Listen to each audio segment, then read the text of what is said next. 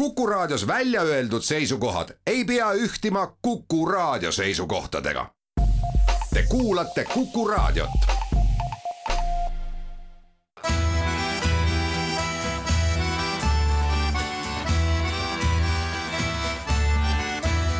Kirillitsas Eesti tere päevast, head raadiokuulajad, eetris on Kirillitsas Eesti, saatejuht Pavel Ivanov ja hea meel tutvustada teile meie tänase saate osalejaid, see on Viktoria Ladõnskaja-Kubits, tere Vika! tere! ja tervist, Karina Küpas, Narva-Jõesuu, Narva-Jõesuu spa juht ja juhataja, tere Karina! ja tere, tere, Narva-Jõesuu Medical Spa tegevjuht. Vot selline oli täpsustus, aga teemasid meil on täna suhteliselt palju ja kõik nad on äh, võetud nii venekeelsest meediast, nii ka ülekantuna ka eestikeelsest meediast ja ütleme nii, et nad on teemakesed on siuksed intrigeerivad, pooleldi skandaalsed, pooleldi mitte. ma võib-olla alustan nagu, ma ei oska nüüd öelda, kas ta on nüüd kõige pisem või mitte pisem, aga kõige värskem asi on võib-olla see, et äh, juudi kogukond otsustas, et ta peatab oma liikmesuse äh, mini-, kultuuriministeeriumi juures tegevas äh, rahvusvähemuste nõukogus ja põhjus on see, et ikkagi min-, kultuuriminister Heidi Purga kinnitas, et äh, oma allkirjaga, et kinnitas, et EKRE esindaja äh, härra Ruuben äh, Kaalep on siis ikkagi äh, Äh, integratsiooni Sihtasutuse nõukogu liige, tuletame meelde, et äh, eelmise kultuuriministri Piret Hartmani ajal äh, oli täpselt seesama küsimus, kus siis mitte ainult juudi kogukond, vaid ka, ka teised organisatsioonid ja ka esindajad üldse venekeelse või siis muu, muulaste või mitte-eestlaste rahvusvähemuste kogukondade esindajad olid natukene nördinud siis, kui EKRE-l oli selline plaan enda partei poolt, mis on täiesti õiguspärane, saata just konkreetne isik äh, sinna sihtasutuse nõukogusse. Ja nüüd siis tegelikult juhtus seesama ja siis selline öö, äh, otsus juudi kogukonna poolt tuli, et nad lahkuvad mõneks ajaks. Sellepärast, et miks mõneks ajaks lahkuvad, sellepärast et konkreetselt Alla Jakobson, juudi kogukonna öö, äh, esinaine, ta ütles, et peatame oma liikmesuse selles samas rahvusvähemuste äh, nõukogus Kultuuriministeeriumi juures ja ma küsiksin teie arvamust, et jaa, et juudi kogukond ei ole võib-olla kõige äh, suurema liikmeskonnaga äh, rahvusvähemuste organisatsioon Eestis, aga ta on üks kindlasti mõjukamatest. ja mul on, ja kusjuures see on veel, nagu öeldakse, nende jaoks on see déjà vu seoses Ruuben Kaalepiga. ja ma küsiksin, et mida see rahvusvähemuste äh, asja jaoks siin Eestis, mis on tegelikult selles valdkonnas olnud edukas minu meelest, mida see võib nagu tähendada? me, ma saan väga hästi aru, et tegelikult ei kultuuriminister ega keegi teine ei saa üle ega ümber sellest samast seaduslikust äh, seigast, et äh, jah, et konkreetse inimese määrab see partei, partei, kellel on täiesti seaduslik õigus määrata oma liikme, aga kui see juba toimub teist korda, selline konflikt konkreetse isiku poolt, et vot lähtudes sellest kontekstist, mis te arvate? kes alustab? alusta sina, Viktoria no tõepoolest, äh, selle küsimuse juures on oluline kaks äh, peamist aspekti, üks on juriidiline ja teine on siis seesama eetiline või sisuline juriidiline on ta sellepärast, et tõepoolest äh, nõukogusse, sinnasama sihtasutuse nõukogusse kuuluvad erinevad erakonnad ja siis äh, erakondade esindajad konkreetselt ja siis äh, kokkulepe, poliitiline kokkulepe on alati selline, et sõltumata sellest, et kuhu erakonda kuulub minister, ta ei tohi öelda, et teate, teie erakonna poolt nimetatud inimene mulle ei sobi isegi siis, kui talle tõepoolest maailm, maailmavaateliselt ta ei ole niivõrd väga sobiv äh, ja võib-olla ka eetiliselt ei ole väga sobiv, aga siiski see ongi nagu mm, demokraatlik selline otsus, et iga erakond otsustab ise, keda ta lõppkokkuvõttes sinna nõukogusse määrab. see on üks asja poolt juriidiline. Ja siis miks Piret Hartmani juures või tema ajal oli sarnane, aga juriidiline lahendus oli teine, sellepärast et toona Kaalep oli veel Riigikogu liige ja Riigikogu liige ei tohi olla nõukogus ja sellepärast teda formaalselt oli võimalik tagasi lükata, mida minister tegigi nüüd siis äh, seda formaalsust enam ei olnud, äh, Ruuben enam ei kuulu Riigikogusse, ju siis äh, ministril puhtjuriidiliselt justkui ei olnud võimalust öelda ära, aga samas mina absoluutselt mõistan seda, millest hakkas rääkima juudi kogukond ja konkreetselt Alla Jakobson. Ja neil oli tõepoolest selg vastu seina, sellepärast et noh, me teame, milline suur skandaal oli siis, kui oli moodustatud EKREIKE ja üks konkreetne osaline või üks konkreetne põhjus, miks miks see toona läks eetiliselt nii keeruliseks, oli seesama Ruuben. ja, ja siis sellepärast, kuna toona oli see kirg niivõrd üleval ja need põhjused ei olnud nii ütleme, laest võetud, vaid olid konkreetsed põhjused, konkreetsed äh, artiklid, mis kajastasid tema positsioone.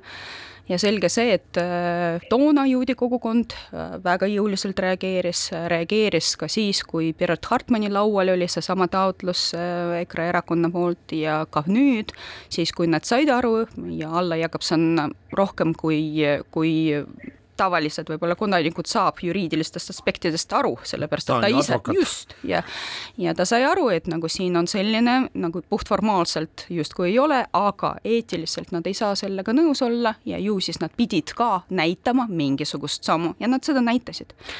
Karina, ka kuidas sa arvad, kas juudi kogukond käitus äh, õigesti või siis natukene oli tunda ka sellist äh, ülereageerimist? Aga kuidas ma ütlen, et ma olen absoluutselt nõus sellega, noh, mis eeskõneleja rääkis, et mis Victoria rääkis, et no seadus on seadus ja õigus olla nõukogus on õigus. ja, ja tegelikult Integratsiooni Sihtasutuse nõukogus, kui ma ei eksi, on kaksteist liiget nii et iseenesest, kui, kui üks on selline, nagu ta on, siis äh, üksteist ikkagi on teise maailmavaatega. teine küsimus on ikkagi nagu selles, et äh, meil on jah, meil on vaba vabariik, meil on demokraatia ja maailmas kõik asjad ei käi nii, nagu sina soovid ja maailmavaated ei pruugi ühtida. aga noh, samas vaata, sa pead olema nagu sellises olukorras tugev ja võib-olla see on just nagu tugevuse näitaja, et nad äh, avaldasid ka oma arvamust äh, ja tõid välja oma tugeva positsiooni. et nad ei ole nõus ja see on, see ongi seesama demokraatia, et äh, ma võin avaldada oma arvamust ja see arvamusavaldus käib nii. kas ta oli nüüd õige või vale ja mis see pärast hiljem endaga kaasa toob, see on juba nagu teine küsimus, eks me seda näeme, aga see on kindlasti positsiooni väljatoomine. teine küsimus on see, et kas jällegi läbi selle sammu me ei too liiga palju tähelepanu teatud erakonnale, vot selle peale võiks ka mõelda no ma jätkaks ka, et äh, mina arvan, et nii ehk naa, antud äh, erakond ilmselt äh, tahtiski seda tähelepanu, sellepärast et noh, ma eile, eile vaatasin just esimest stuudiot ja kuidas Heidi Purga kommenteeris, minister Heidi Purga kommenteeris seda asjaolu ja siis ta nimetas seda õige sõnaga, see oli provokatiivne käik EKRE poolt, ehk siis teist korda paluda just seda inimest, just sellisesse nõukogusse et ei olnud lihtsalt niisama, et teate, et meil ei ole mitte kedagi teist panna. ja noh, jah, minister otsustas, et tema käitub äh, vastavalt juriidilisele paberile ja nii nagu on, aga mul kohe peas tekkis äh, paralleel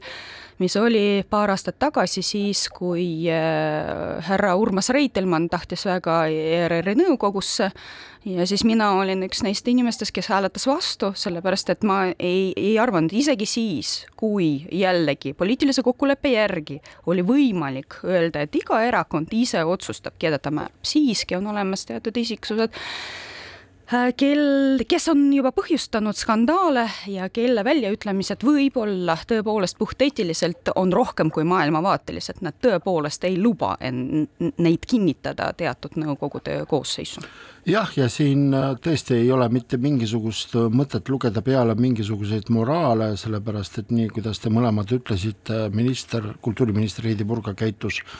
täiesti vastavalt sellele, mida ütleb juriidika ja siin nagu ei ole mitte midagi, mitte millegi üle norida, aga see, kas üks partei saab aru asjadest nii, kuidas see on nagu tavaks aru saada või siis tegutseb nii, kuidas tema arvab, et võiks tegutseda lähtudes hoopis teistest asjaoludest, see on nagu öeldakse, et kellele vanaema, kellele tütar, teeme väikese reklaamipausi, pärast jätkame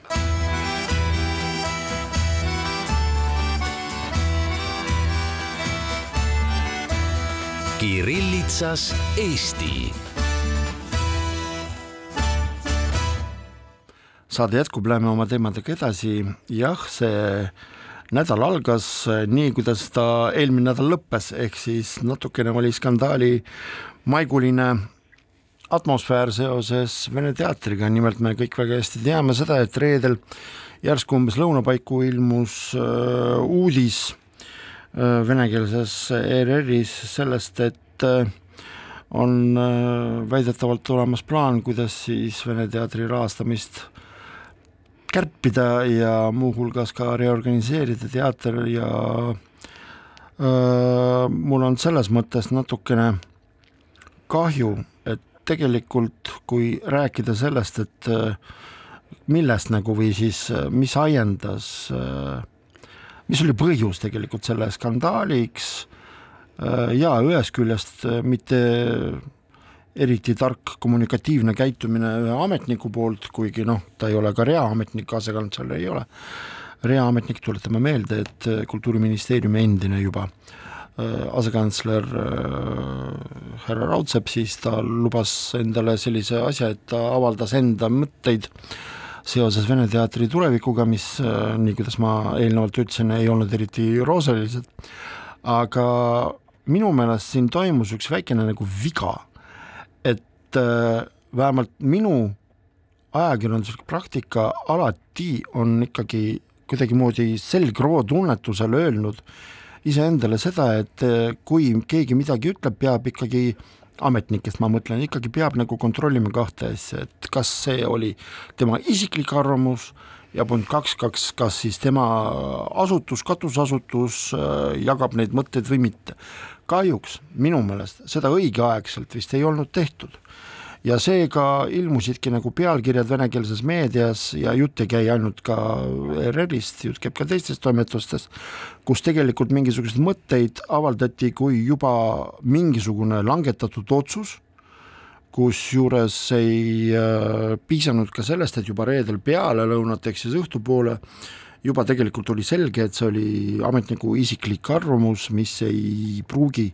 tollel hetkel reede õhtul ei pruugi ühtida absoluutselt Kultuuriministeeriumi omaga. Ja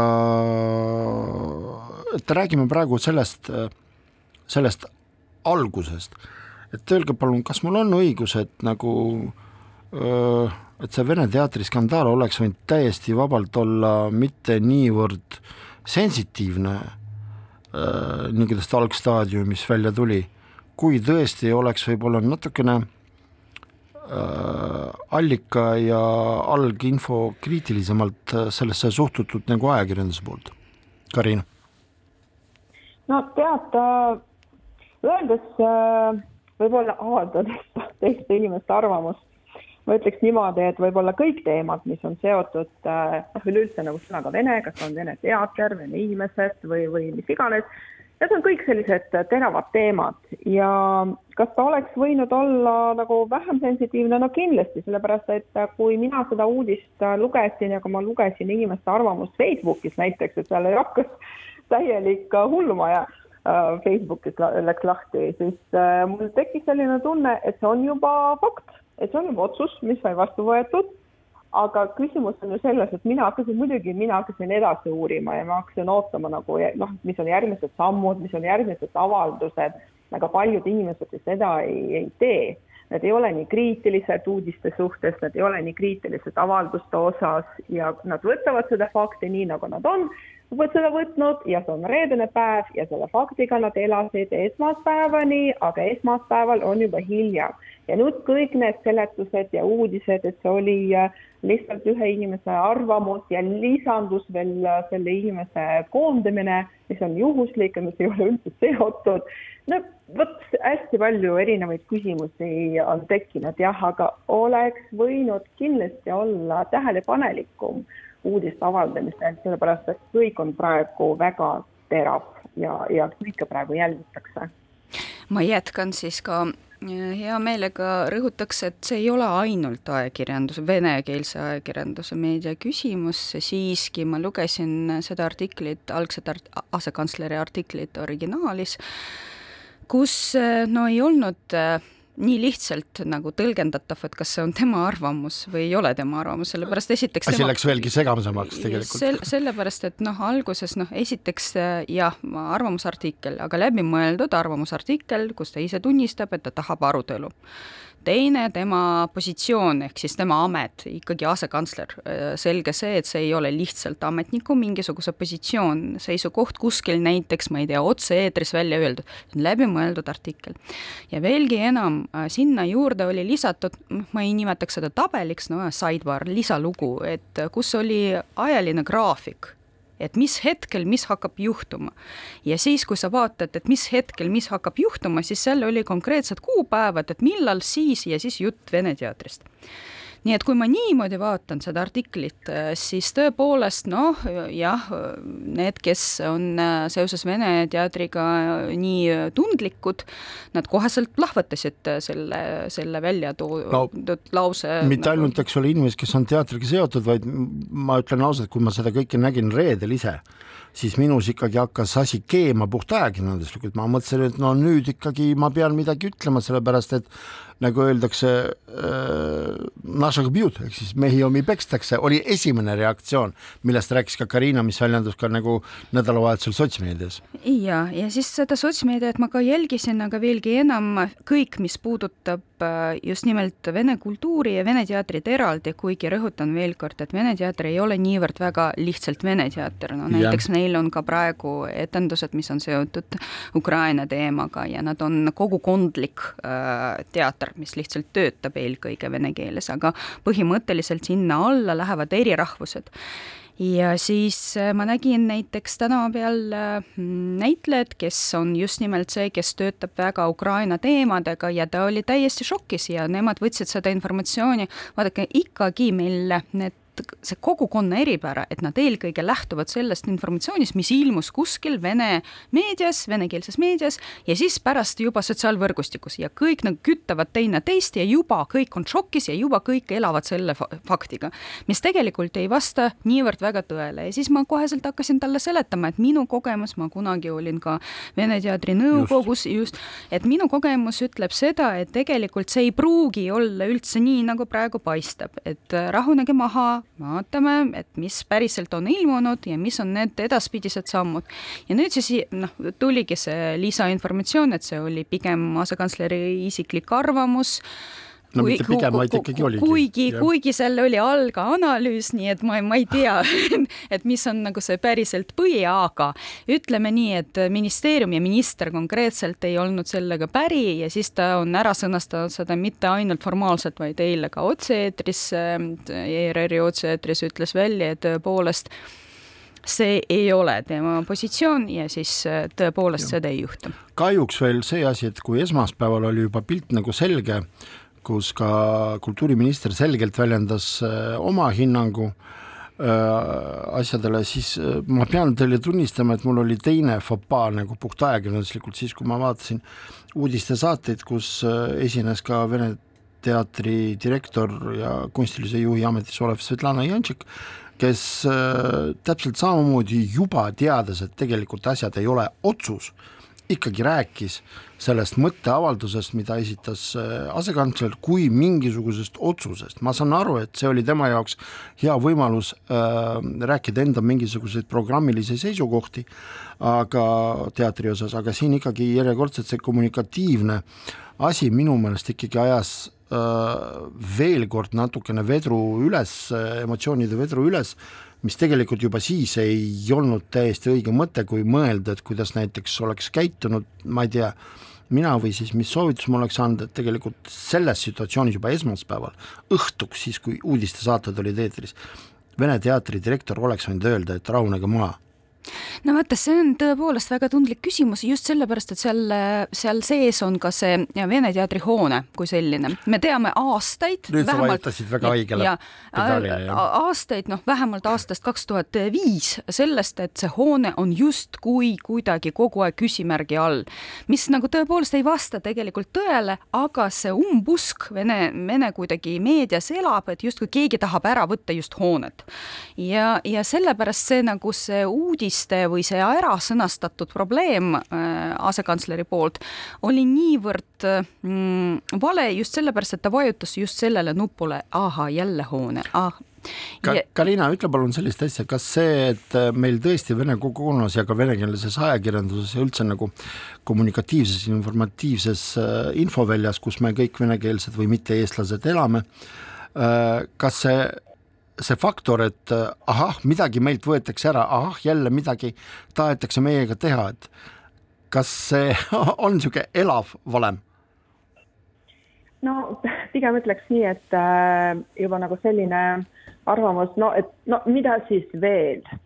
no mida siis veel tehakse ehk siis mis, mis, mitte mis hakkab toimuma, vaid mida siis veel, ehk see tähendab seda, et on juba mingisugune teadmine, et midagi on juba kas ära võetud või midagi ära tehtud või, või midagi on korraldatud ja siis veel tehakse midagi. Ja see on juba selline nagu noh, ohtlik äh, moment, et äh, kui inimeste sees juba elab nagu selline arvamus, et midagi on juba tehtud, midagi on juba ära võetud ja nüüd tahetakse veel midagi võtta noh, see juba nagu hakkab kraapima neid uh, haavu, mis on noh, aastatepikkused, nii et uh, tegelikult nagu sinna võiks uh, ka fokusseerida. just, ja siis nagu, mis on eriti oluline, on see, et kuidagi vene kogukond on nii fokusseerinud ühe teema peal, mis puudutab konkreetselt kogukonda. tegelikult, millest rääkis alguses artikkel, artikkel räägib teatrite rahastamisest, tervest sellest süsteemist, mis on tõepoolest probleemne ja mis on aastaid juba probleemne ja mis tegelikult nagu ongi selline selline teema, mis vajab lahendust. Ja mina, kes ma olin äh, Riigikogu liige just sel hetkel, kui see teema oli eriti terav ja toona mina ütlesin, et noh, ei ole päris konkreetne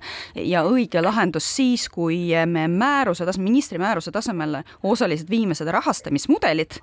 ja ne-, nüüd siis juba eelmise ministri ajal see hakkas plahvatama, siis kui ta te tegi eraldi otsuse. Ja nüüd siis jälle lainetab seesama teema. Ja see tegelikult on tunduvalt suurem kui lihtsalt Vene teatri küsimus, aga seda vene kogukond näiteks ei pane tähele, see ei olnud üldse suunatud ainult teatri suunas nagu mingisugune formaalne arvamus, see on tunduvalt laiem, suurem probleem, mis puudutab tegelikult kogu Eesti kultuuri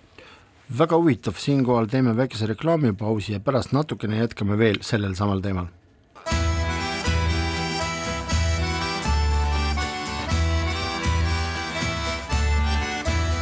Kirillitsas Eesti. jätkame saadet, tuletan meelde, et vestlusest võtavad osa Karina Küpas Narva-Jõesuust ja Viktoria Ladõnskaja-Kubits siinsamas stuudios uh, Viktoria, sa lõpetasid jutu enne reklaamipausile minekut ja mul tekkis küsimus,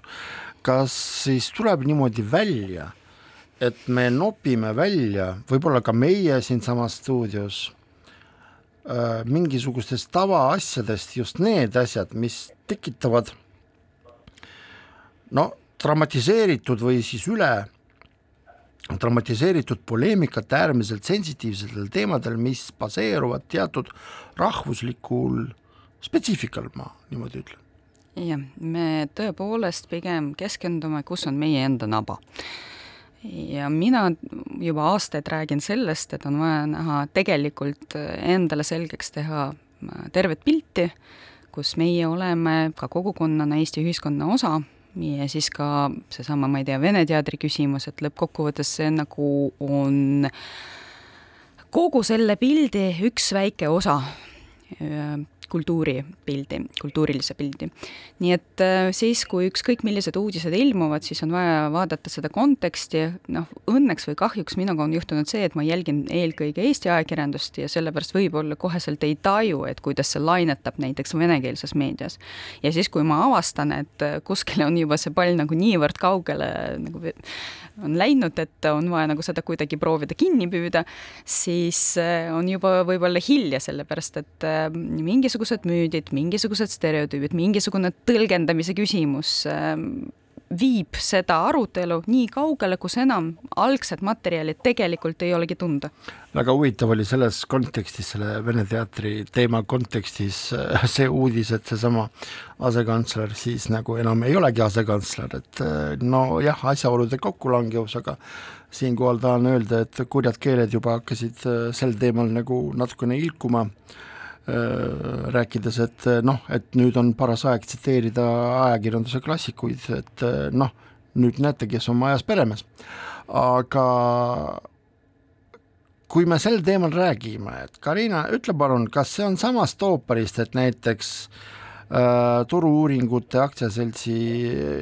üks uuring, mis oli tellitud Riigikantselei poolt äh,, kui ma vaatan meediapilti, siis sellest uuringust on järjekordselt välja toodud eraldi uudisena näiteks, kuidas äh, Eesti elanikud suhtuvad üheksandasse maisse.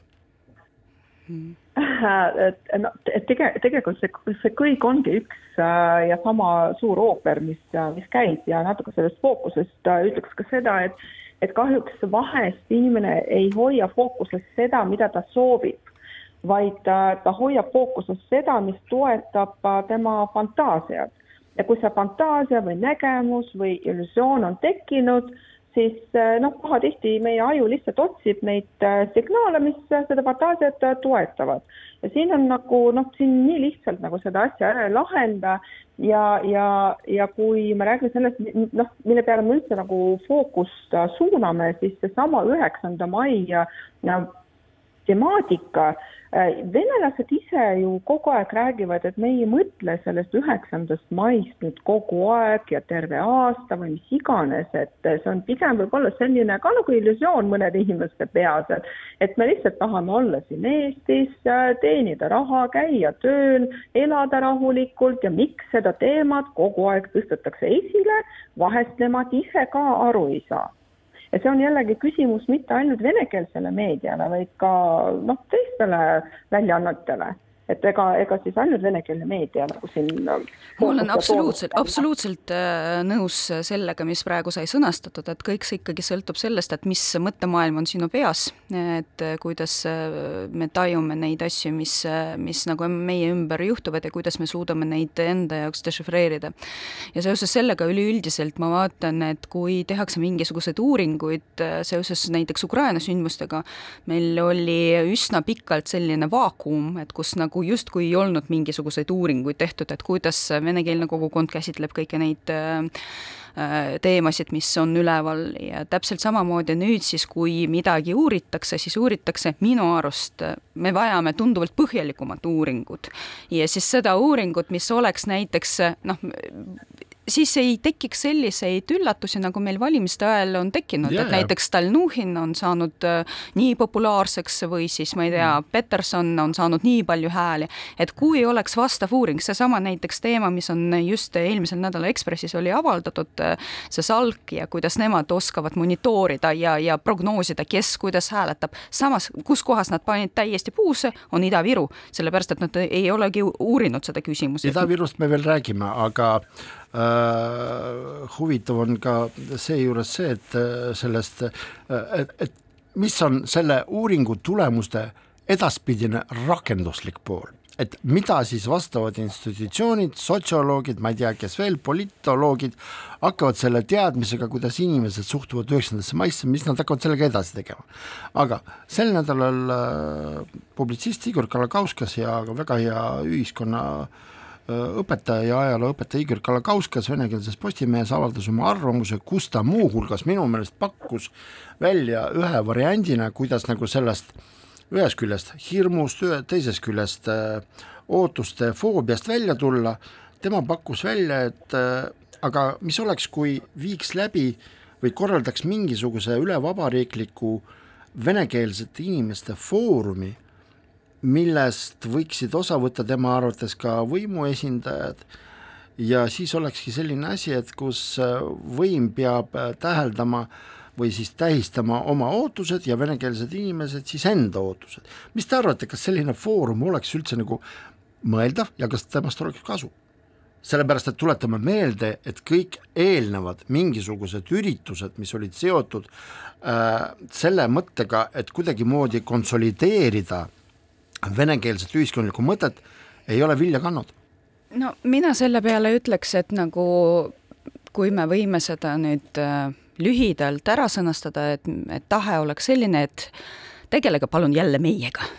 et praegu on äh, tegelikult olemas üsna suured väljakutsed, äh, tuletan meelde, et meil on Euroopas päris sõda, äh, meil on suured julgeoleku küsimused laual ja siis on olemas teatud kogukond, kes noh, praegusel hetkel peaks tõepoolest väga selgelt sõnastama, me oleme koos, me aitame, me tahame, et ikka, ikkagi siin oleks rahu aga see küsimuse püstitus läheb ikkagi sinnakanti, kus, et aga teeme ikkagi midagi, et te saaksite paremini aru, mida meie siin tahame. No ma ei tea, minu jaoks on see nagu küsimärgiga nagu teemapüstitus, et ühest küljest, teisest küljest, et kogu minu lugupidamise juures, et ma hea meelega loeks samasugust artiklit eesti keeles. ma just tahtsin sedasama öelda, et see ongi just seda arvamust ja, peab tõlkima eesti keelde. Foorumi, Foorumi nagu avalause, ütleme nii, et kui sa tahad tõepoolest, et oleks diskussioon, siis ära räägi seda ainult seal, kus istuvad nii-öelda sinu pooldajad, ütle seda ka seal, kus tegelikult tekib seesama konflikt. Karina, mis sa sellest arvad? No üldse arutelu on alati nagu väga hea ja ma toon, no ma siin mõtlesin praegu, et ma toon võib-olla sellise näide, et oli siin vestlus ühe äh, no ühe kliendiga ja kuna ta käib nagu meie juures juba pikemat aega ja ta teab, et ta käib Ida-Virus on ju noh, ja siis kuidagi ta hakkas nagu rääkima, noh, see Ukraina sõda ja, ja üheksas mai ja hakkasime rääkima, siis ta ütles, et nojah, et noh, vot noh, ta avaldas nagu sellist arvamust, et, et venelastel on see eh, tohutu igatsus Nõukogude Liidu järgi ja noh, ma ei tea, kas on nagu head ja see on ikkagi nagu halb. Ja siis ma ütlesin, okei okay,, aga aga miks sa arvad, nad igatsevad, kui sina arvad, et nad igatsevad, siis miks sa arvad, et nad seda seda teevad ja siis ta nagu ei osanud äh, sellele nagu vastust anda, ehk siis jällegi me tuleme nagu selle juurde, et, et inimeste peades on noh, mingisugused illusioonid, mis on juba nagu aastatepikkused traditsioonid juba. ja siis inimene mõtleb, et ongi nagu tõsi. ja siis ma ütlesin talle, et, et noh, tead, et ta võikski nagu küsida inimeste käest, kas on tõesti nagu igatsevad, see on üks asi, aga teine asi, et võib-olla igatsus ei ole mitte Nõukogude Liidu vastu, vaid selle kindlustunde järgi, mis seal oli, selleks, et seal oli ikkagi nagu noh, ma ei tea, kas seal oli muidugi, aga no räägitakse, et oli kindel töö töökoht ja sul jagati kortereid ja seda, seda kõike on ju, ehk siis jällegi mina elan ka nagu nendes müütides, ma ei tea, kuidas seal päriselt oli. eks see jällegi nagu alati see kommunikatsiooni puudus ja meil on alati kommunikatsioonikoridor, mis on kinni, kinni pandud uksega, ehk siis üks pool räägib, teine ei kuule ja siis vastupidi. et muidugi, muidugi noh, rääkima peab, et see on nagu selge see, aga kas just nagu teha mingit foorumit või jällegi nagu tõmmata tähelepanu sellele, mis ei ole hetkel olla vajalik selleks, et, et uuesti toon seda välja, mida kohalikud räägivad, et, et jätke palun see Vene teema kõrvale ja palun tehke midagi, et meil oleks äh, töötingimused paremad, et meil oleks rohkem töökohti loodud ja nii edasi, ehk siis inimesed on pigem huvitatud ju sellest, et kuidas ellu jääda ja kuidas hästi siin riigis elada. et võib-olla natuke seda fookust äh, tõesti nagu panna nagu teistele asjadele ja meil kõigil oleks palju parem. sellest kohalikust elust, kohalikest probleemidest räägime ka kohe peale järjekordset reklaamipausi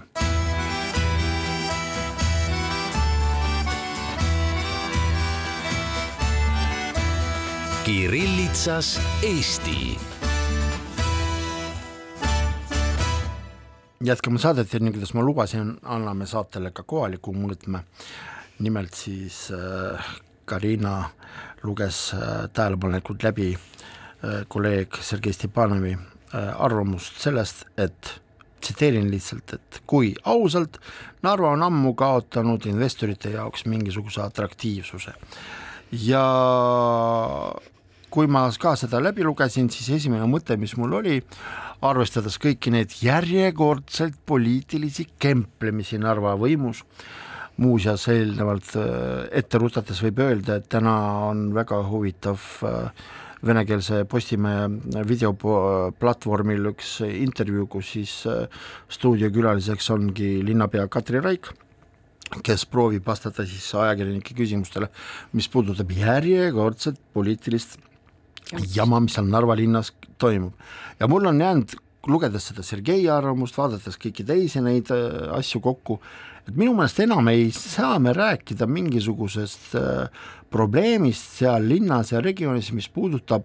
väidetavalt riigi mittetähelepanelikust äh, suhtumisest sellesse linna või mitte, et seal on asi minu meelest taandunud mingisugusesse kohalikku soosse. Karina, sina kui sealt pärit inimene, ütle, kas mul on õigus või ei ole õigus ja kuidas üldse sina suhtud Sergei Stepanovi sellesse mõttekäiku, et äh, ei ole linn ega regioon huvitav investoritele no ma alustan sellest, et äh, mina austan üleüldse Sergei Stepanovit, et ta on teinud väga häid äh, uudiseid ja ta teeb praegu ja teeb vist äh, tulevikus ka. aga teisel juunil, kui ma seda uudist lugesin, ma just tulin tagasi ühelt ürituselt ja see oli tänuüritus, mis oli pühendatud Narva raekoja avamisele ja just seal me arutasime seda, et, Narvas on valminud üks fantastiline turismimagnet et Narva elab, et Narva läheb paremaks ja tegelikult, kui ma vaatan üldse nagu projekti tegevuse äh, noh, mis Narvas toimub, kui me vaatame neid numbreid, siis need numbrid on märkimisväärsed ja kui inimene tuleks Narva, kes ei ole Narvat külastanud näiteks kaks-kolm aastat, siis noh, see on hoopis teine linn, et linn on ilusamaks muutunud, need riigigümnaasiumid, mis, mis ehitatakse, minu laps alati, kui sõidab sellest mööda minuga koos, ütleb, et vau, et on nii äge, et lapsed saavad seal õppida, noh, ta on veel ta on veel neljandas klassis, no nüüd viiendas, et äh, meil on aega veel natukene, aga, aga noh jah, see poliitiline, poliitiline värk, mis Narvas toimub, kõik on väsinud sellest ausalt öeldes, sellepärast et noh, mina kui juht, kui ma vaatan sellele otsa, siis mina ütleks niimoodi, et kui sul on töönädalas nelikümmend töötundi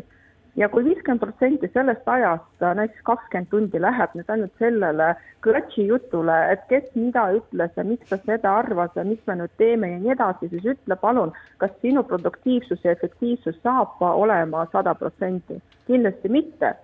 ja kui, mida rohkem on see klatši juttu on ju, seda klatši jutu osakaal, seda väiksem on sinu efektiivsus. nii et kindlasti kõik need äh, poliitilised mängud, kõik need isiklikud soovid, isiklikud arvamused ja nüüd ongi see küsimus, et kas me saame sellest üle. inimene, inimesed on väsinud Narvas ja Narva-Jõesuus ka, kes jälgivad kogu seda jama, mis seal toimub. absoluutselt, absoluutselt toetan Sergei Stepanovi mõtet, aga väita et Narva on investeeringute jaoks noh, et ei ole enam huvitav, huvitav äh, regioon, vot sellega ma kohe üldse ei saa nõus olla. Ja see on jällegi tekib nagu see küsimus, et kas isiklik arvamus on see, mida me kõik peaks kuulama ja, ja kas on nagu tõsi, siis me peame ähm, siis me peame nagu tõe, tõena võtma. Ja jällegi noh, inimeste silmis klaas on pooltühi või pooltäis et noh, kas sellel juhul nagu, et mis me võime arvata, kas ta on siis pooltühi või pooltäis. no ja siin loeme. tekib mul kui ajakirjanikul tekib lihtsalt see mõttekäik, et äh, kui jah, me loeme kellegi isiklikku arvamust, siis me võime ju sellele vastu panna ka enda isiklikku arvamust. aga kui rääkida nendest põhjustest, miks äh, Stepanovi teema käsitlus oli niivõrd depressiivne, kui võib niimoodi öelda, siin tuli koheselt meelde ka see laulukene, et äh, Eesti depressiivsed linnad. väikelinnad. väikelinnad, jah, et. Äh, aga Narva ei ole väikelinn, nii et äh, ärge palun seda lugu meile laulge ma ei hakka, ma luban sulle, aga lihtsalt, et kui rääkida nendest põhjustest, mis Sergei arvates nagu on viinud teda sellisele arvamusele, on eelkõige demograafiline olukord ja siis äh, ka, et investoritel on tema arvates mugavam minna Tallinnasse või Tartusse, kuigi samas Tartus ta kirjutab, et Tartut vist ootab samasugune äh, depressiivne staatus, saatus nagu Narval praegu tema arvates on, et äh, minu jaoks on praegu väga oluline ja huvitav see, mida Karina rääkis, sellepärast et tema on kindlasti pädevam äh, selleks, et analüüsida seal kohapeal, mis vastab tõele ja mis ei vasta tõele. samas äh, ma lugesin ka seda arvamust, see ei ole uudis, see on eelkõige arvamus ja, ja Stepanov äh, üsna mitmeid küsimusi teravalt paneb lauda ja. ja mis on väga õigustatud ja see väsimus eelkõige poliitilises olukorras, ta tegelikult ju tekib ja nüüd siis, kui ma sinna juurde panen seda, mida ma olen äh, riiklikul tasemel näinud, et kogu aeg mingisugused probleemid Ida-Virumaaga on jah, ja siis on olemas eraldi strateegia, mis on suunatud ja siis aastaid me räägime, et mis oleks vaja teha ja kuidas oleks vaja teha. jah, ma olen absoluutselt nõus sellega, et riiklik tähelepanu oli pigem äh, väike aastate jooksul, oleks tunduvalt rohkem seda vaja. aga teisest küljest ka minul nagu tegelikult tekib nagu mingil määral mitte väsimus, vaid noh, mis te nüüd jälle teil mingisugused uued valimised seal äh, volikogu tasemel, jälle siis äh, kas äh, Katri Raik saab jätkata või ei saa jätkata, küsimärk on õhus ja et nagu, et, et kaua võib, et nagu tehke rohkem seda tõepoolest päris poliitilist linna tööd aga nüüd siis, kui ma mõtlen uuesti selle riigi tasemele, siis tegelikult üks oluline projekt on neil ees, see on äh, see Narva manufaktuuri ehitamine, mis on äh, selle riiklike objektide hulgas, mis on juba kinnitatud ja me väga loodame, et nad varsti alustavad sellega, mis on kindlasti investeerimisobjekt, esiteks, teiseks riikliku tähendusega objekt ja kolmandaks see kindlasti peaks nagu kultuuriliselt aitama just seda piirkonda. aga Karina, kas ma äh, ei eksi, kui seoses sellega mul tuleb meelde millegipärast üks uudis, et ka selles küsimuses äh, linnavolikogus on mingisugune jälle omavaheline kemplemine. sellesama no. Äh, manufaktuuri kultuurilinnaku rajamise suhtes äh,. teate, millega seoses see naljaga ei oleks, seda kemplemist ausalt öeldes no tegelikult siin ma võin aidata nii palju, kui äh, ütlen, et äh, Riigikogu tasemel, mis on nagu oluline ikkagi otsus äh, ja otsus on langetatud ja ju siis peaks tegelikult tekkima see Narva manufaktuuri objekt. lihtsalt on nüüd küsimus, et tõepoolest ka kohalik võim võtaks end kokku ja taotleks ja esitleks seda objekti niimoodi, nagu need tingimused on seostatud põhiteemad on tänaseks lahatud, kui rääkida veel mingisugustest asjadest, mis on arusaamatud, siis äh, kindlasti oli venekeelse meedia teatud osas reaktsioon sellele, mida siis metropoliit Jevgeni äh, lubas endale sel nädalal, nimelt äh, ta esines avaldusega, mis ei poolda kooseluseaduse vastuvõtmist, millele järgnes väga kummaline reaktsioon ühes äh, venekeelses meediakanalis, kus siis avaldati selle vastu noore avatud vabariigi tegelase arvamust, mis äh, oli pealkirjastatud küsimusega, et kas metropoliit jälle tahab, et tema elamisloa küsimus oleks tõstetatud üles, natukene arusaamatu selles mõttes, et aga mida me oleksime üldse nagu oodanud kiriku esindajatelt selles küsimuses. Ma arvan, et avatud vabariik võiks nagu natukene mitte lihtsalt kasvatada oma jüngreid, vaid ka natukene seletada, et mis asi on üldse usk ja millised on kiriku suhtumised, sõltumata, mis konfessioonist juttu on, kiriku suhtumised sellesse küsimusse, see oli tõesti väga ebamäärane värk, aga nii, kuidas me alustasime saadet, et sõna on vaba, nagu öeldakse ja kui keegi tahab midagi öelda, siis jumala eest ja kui keegi arvab teistmoodi, palun väga arutage, aga on olemas teatud mingisugused põhimõtted. ma tuletan meelde, et meie tänasest saatest võtsid osa Karina Küpas, aitäh sulle. ja hea meelega alati. super, Viktoria Ladõnskaja-Kubits. aitäh ja ilusat päeva jätku. saatejuht oli Pavel Jenov, aitäh kuulamast ja kohtume nädala aja pärast taas.